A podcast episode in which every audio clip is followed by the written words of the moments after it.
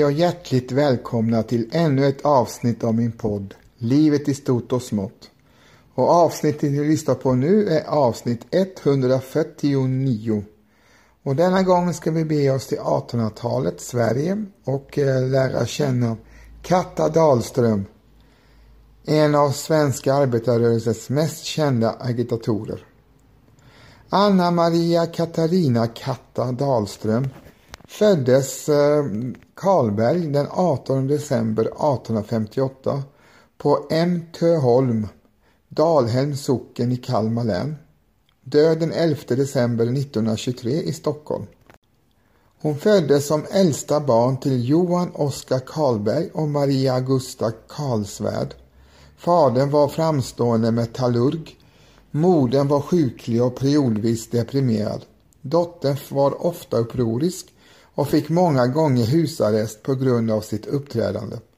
Vid fyra års ålder flyttade hon till Nya Kopparberget där hon bodde vid Kaveltorp för att 1868 flytta till Bångbro, en by tre kilometer bort där hon undervisades av guvernanter hemma.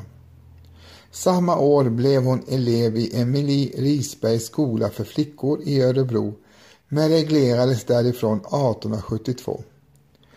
Den 10 oktober 1878 ingick Maria Karlberg äktenskap med järnvägsingenjören Gustav Maurits Dahlström, född i Vaxholm 1837, död 1906.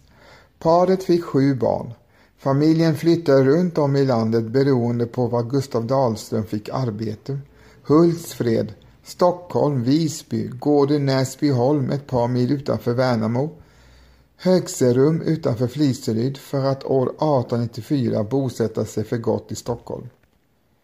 Katta Dahlström var hela sitt vuxna liv en hängiven folkbildare, skrev artiklar och ungdomsböcker bland annat om nordisk och grekisk mytologi. Hon engagerade sig i Föreningen för gift kvinnans äganderätt och i filantropisk arbete. Men hennes och familjens liv förändrades radikalt när hon i december 1894 anslöt sig till Stockholms allmänna kvinnoklubb och till Sveriges socialdemokratiska arbetarparti. Under åren 1900 till 1905 satt hon i partiets verkställande utskott, det vill säga i partiledningen.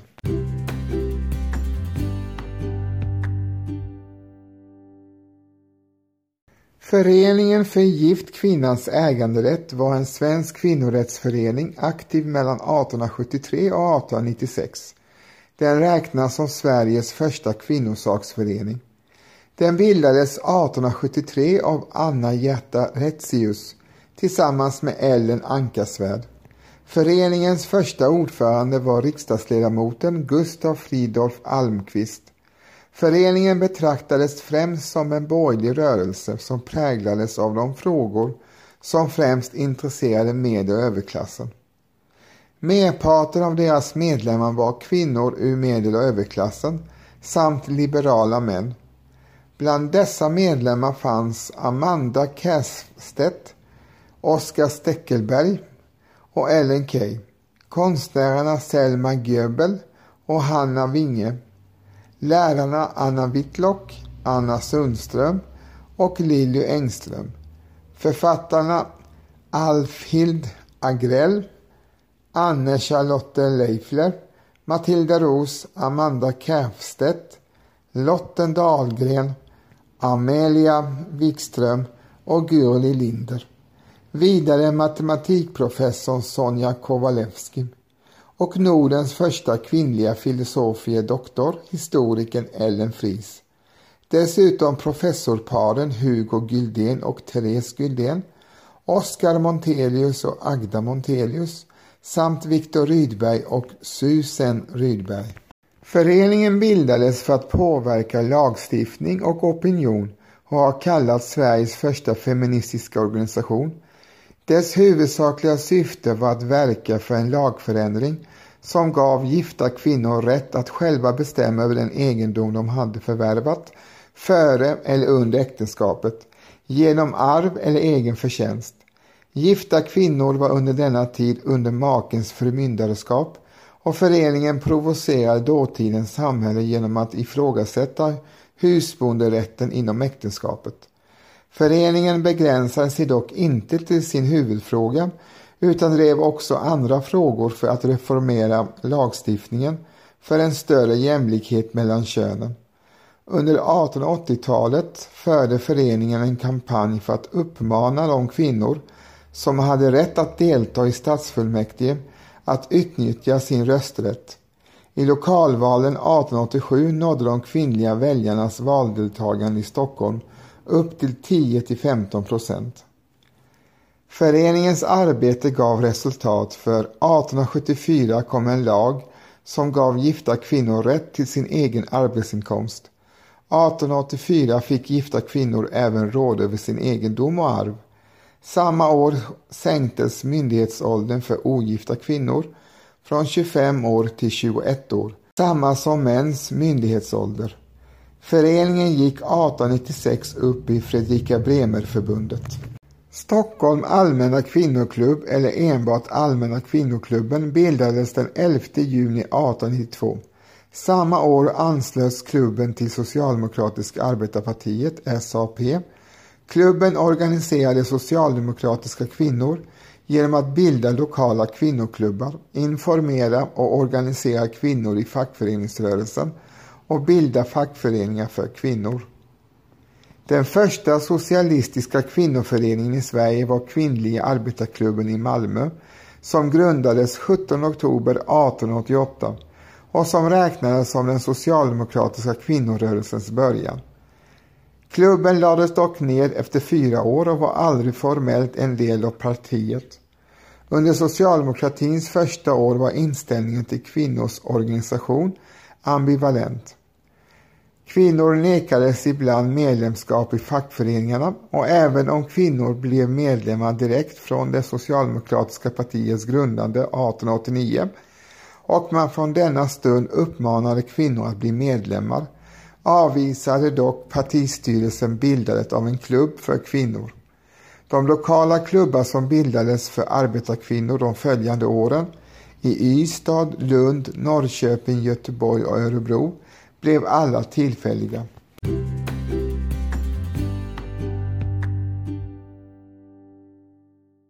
Stockholms allmänna kvinnoklubb blev alltså 1892 den första socialdemokratiska kvinnoklubb som formellt blev en del av partiet och som betraktas som grunden till den organiserade socialdemokratiska kvinnorörelsen.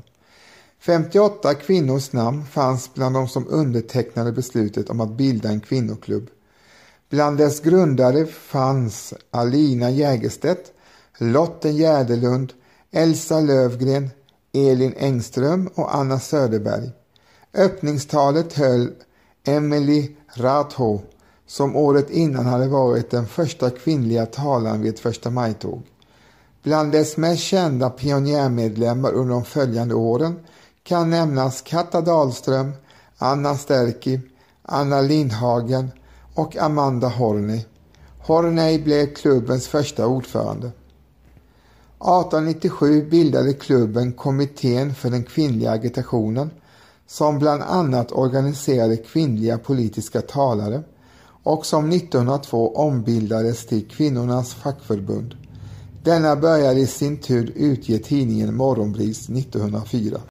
Kvinnoklubben engagerade sig också mellan 1902 till 1921 i Landsföreningen för kvinnans politiska rösträtt där Anna Lindhagen och Rut Gustafsson var dess främsta representanter. Under första världskriget stödde den också den fredsförening som hade bildats av Rösträttsföreningen. En av klubbens främsta verksamheter var att bilda nya lokala permanenta socialdemokratiska kvinnoklubbar runt om i landet. Nästa steg blev sedan att samla dessa. Den första socialdemokratiska kvinnokongressen sammanträdde i Stockholm i januari 1907 under namnet Kvinnokonferensen och valde då Socialdemokratiska kvinnokongressens verkställande utskott som sedan höll kongress för landets kvinnoklubbar var tredje år. 1920 slöt sig Sveriges socialdemokratiska kvinnoklubbar samman och ersatte den tillfälliga kvinnokongressen med dess permanenta Sveriges socialdemokratiska kvinnoförbund.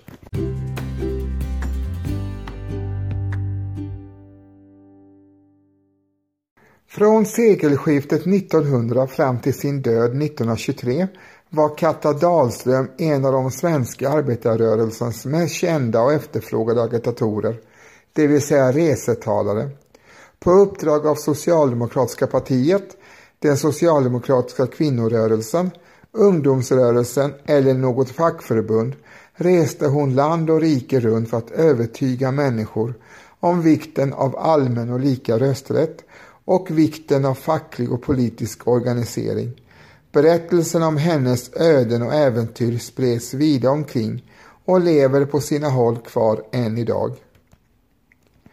Vid partisplittringen 1917 hörde Katta Dahlström till den knappa fjärdedel som lämnade Socialdemokratiska arbetarpartiet för att bilda Sveriges socialdemokratiska vänsterparti, lett av Seth Höglund. Efter den ryska oktoberrevolutionen 1917 stödde hon i likhet med partikamraterna Seth Höglund och Fredrik Ström bolsjevikerna och var år 1920 delegat vid tredje internationalens andra kongress i Moskva. 1921 bildades Sveriges kommunistiska parti och för tredje gången blev Katta Dahlström invald i ledningen för ett politiskt parti. I svenska kommunistiska kretsar var Katta Dahlström kontroversiell på så sätt att hon inte var ateist. Hon deklarerade redan på 1890-talet sig som en religiös människa, studerade österländska religioner och teosofi och landade så småningom i buddhismen. Detta kritiserades särskilt av Ture Nerman som hade stöd från internationellt håll. Komintens ledare Georgij Zinovjev hade uttalat att en kommunist måste vara ateist för att helt kunna förstå marxismen.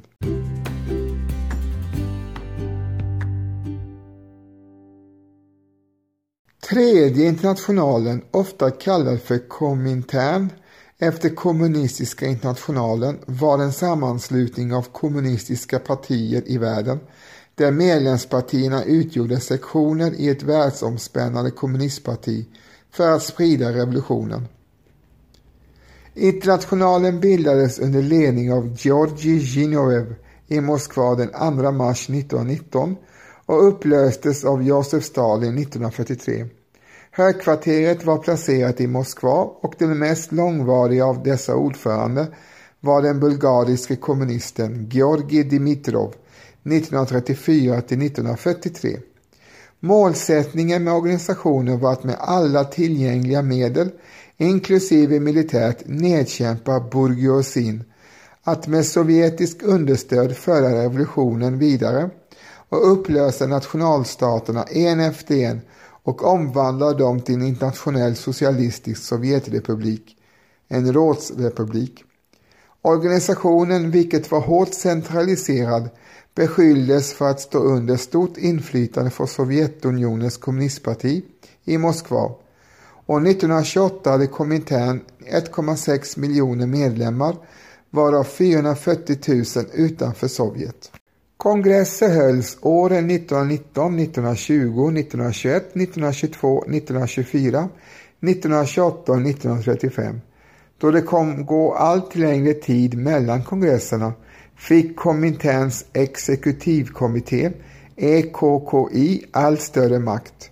EKKI hade befogenhet att utfärda bindande direktiv för medlemspartierna, upphäva eller ändra deras beslut och utesluta enskilda, grupper eller hela partier ur kommittén. EKKIs ledning som bestod av ett hundratal ledamöter sammanträdde två gånger om året men den verkliga ledningen fanns hos presidiet med 30 ledamöter och dess politiska sekretariat med 11 ledamöter. Under det sena 1920-talet bildades en utbrytargrupp under ledning av Trotskij kallad Fjärde internationalen.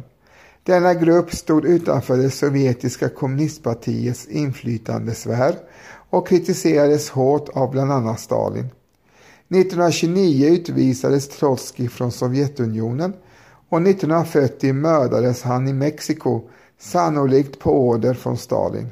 28 länders vänstersocialistiska partier var inbjudna att representera på den första kongressen. Från Sverige representerades Sveriges socialdemokratiska vänsterparti, från 1921 Sveriges kommunistiska parti, nuvarande Vänsterpartiet, deltog i kommittén. Svenska delegater var då Otto Grimlund, Fredrik Ström, Seth Höglund, Katta Dahlström, Carl Kilbom. De svenska kommunisterna var splittrade i sin syn på kommittén och partidelning skedde två gånger under 1920-talet. Komintern höll sju kongresser under tiden 1919 fram till 1935 innan organisationen upplöstes 1943.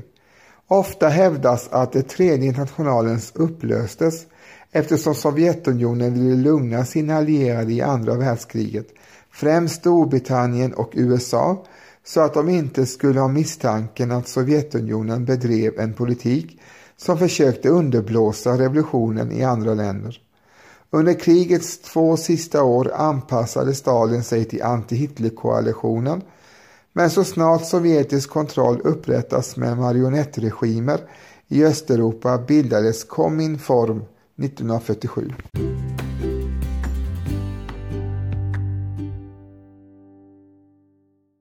I likhet med sina vänner och partikamrater Seth Höglund och Fredrik Ström blev Katta Dahlström snart djupt kritisk mot den ryska kommunistpartiets krav på att alla kommunistiska partier skulle vara sektioner och följa samma linjer, de 21 teserna.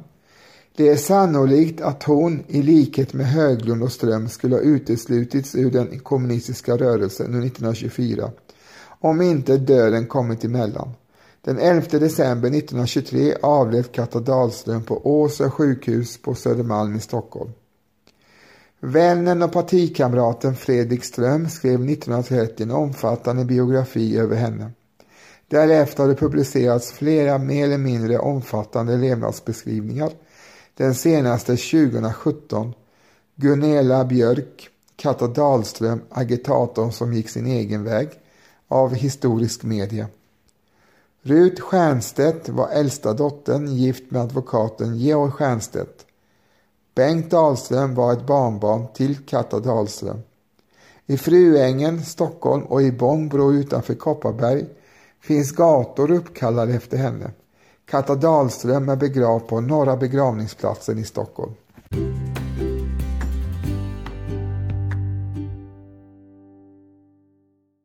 En annan kvinna jag ska uppmärksamma i detta avsnitt är Anna Maria Särström som gift Anna Gustafsson föddes den 1 juni 1873 i Norrköping och dog 6 januari 1954 i Norrköping det också.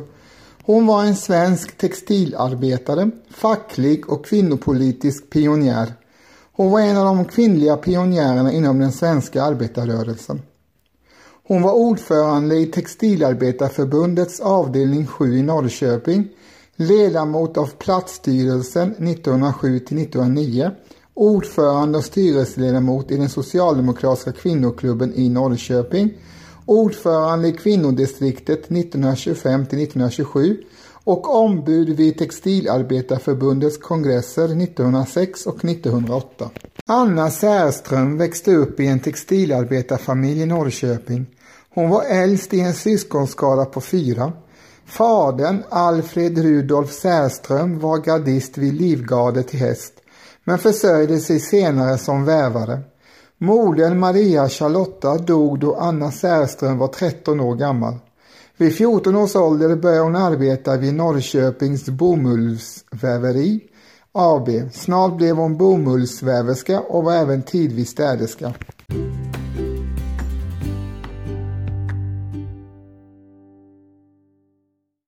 Då hon hade varit anställd några år sänkte bomullsväveriet lönebonusen. Missnöjet pyrde bland väverskorna. Den 2 april 1890 lämnade de vävstolarna och samlades på fabriksgården för att framföra sina synpunkter till företagsledningen. När Anna Särström och hennes arbetskamrater inte fick igenom sina krav gick de ut i en spontan strejk. Det fanns ingen fackförening som kunde organisera dem. Istället trädde den socialistiska arbetarklubben in och styrde strejken. Efter tre veckor gick de 500 till 600 kvinnorna segrande ur striden. Framgången vid bomullsväveriet startade en strejkvåg i Norrköping under senvåren och sommaren 1890. Den bidrog också till att Anna Särström och många andra arbetarkvinnor skolades in i den framväxande arbetarrörelsen. Den tidiga fackföreningsrörelsen var helt manligt dominerad. Men år 1905 bildade bomullsväverskorna avdelning 7 av Svenska textilarbetarförbundet. Den första ordföranden var Anna Särström. Hon fortsatte som ordförande till 1910 och var därefter styrelsemedlem fram till år 1914. Under hennes ledning lyckades avdelningen år 1907 driva igenom det första kollektivavtalet. Hon ledde inte enbart fackföreningen på arbetsplatsen utan var åren 1906 till 1911 den enda kvinnliga styrelsemedlemmen i Norrköping textilarbetares samorganisation, Platsstyrelsen. Dessutom var hon aktiv som kongressombud 1906 och 1908. Förbundet var lika manligt dominerat som den lokala organisationen i Norrköping. År 1906 var 4 av 30 ombud kvinnor. Ett par år senare, 1908, var 25 av 134 ombud kvinnor.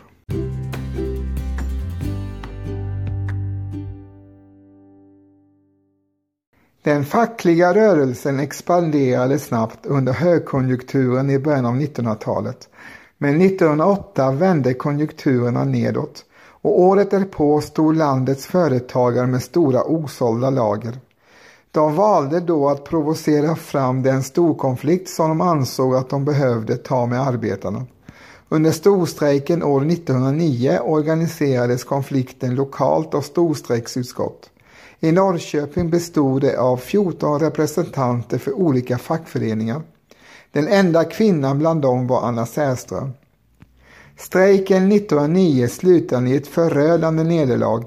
Strejkledarna svartlistades av företagen och stängdes på så sätt ute från arbetsmarknaden. Många tvingades emigrera. Anna Särström försörjde sig på städning och liknande tillfälliga arbeten fram till år 1912 då hon tillfälligt anställdes som agitator av Svenska textilarbetarförbundet för att organisera de kvinnliga textilarbetarna runt om i landet. Hon hade flera gånger tidigare påpekat att kvinnliga agitatorer behövdes för att organisera kvinnor. Samma år gifte hon sig med hamnarbetaren Axel Gustafsson och bytte då enligt tidens sed namn till Anna Gustafsson. Under några år var hon hemmafru och skötte hushållet åt sin make. I hushållet ingick också Axels styvdotter Johanna Elvira Lundström och dennes son Erik Birger född 1902. Utöver hushållsarbetet bidrog Anna Särström till hushållsekonomin genom städarbeten.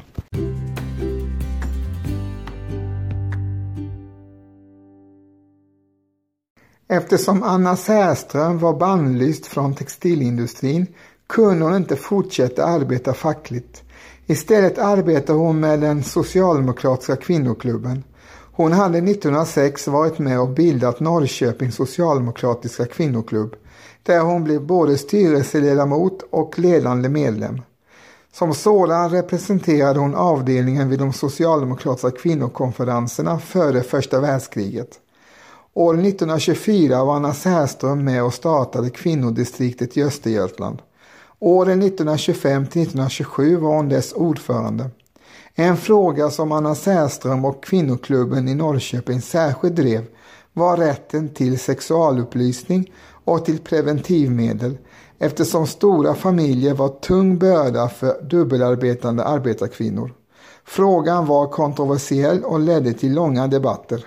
Anna Särström var en av kvinnohistoriens organisationsbyggare som verkade under svåra omständigheter för att förbättra arbetarkvinnornas villkor. Själv levde hon fattigt och bodde med maken i en enrumslägenhet.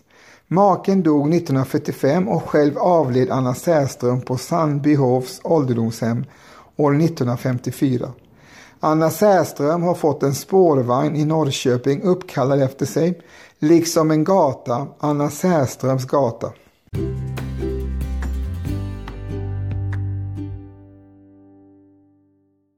Mycket av det som vi idag tar för givet i arbetsmarknaden och i välfärden har inte kommit ner från himlen utan de har kämpats fram av eh, sådana personer som Katta Dahlström och Anna Särström och många, många fler. Både män och framförallt kvinnor.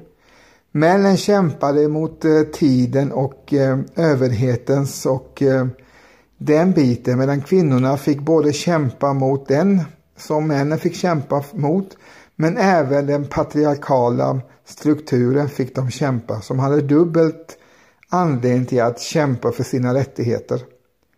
Jag tycker det är väldigt viktigt att komma ihåg dessa pionjärer från 1800-talets mitt, slut och 1900-talets början. De har bidragit till att vi har den demokrati vi har idag med de arbetliga rättigheterna och även den välfärd vi har idag. Så jag hoppas verkligen att ni har uppskattat avsnittet. I avsnittets början fick ni höra Carl Michael Bellman och hans fjäril Vingar syns på Haga, även kallad för Fredmans sång nummer 64. Och som avslutning på avsnittet får ni höra Par Deus med gruppen Gotthard. Min podd utkommer två gånger i veckan, onsdagar och lördagar med bonusavsnitt lite då och då, så håll utkik. Och med detta vill jag tacka dig som har lyssnat på avsnittet och hälsa dig hjärtligt välkommen till kommande släppta avsnitt och även att eh, botanisera i mina tidigare släppta avsnitt. Tack för att ni lyssnade, var rädda om er och kom ihåg, demokratin kan vi inte ta för givet. Tack ska ni ha för att ni lyssnade.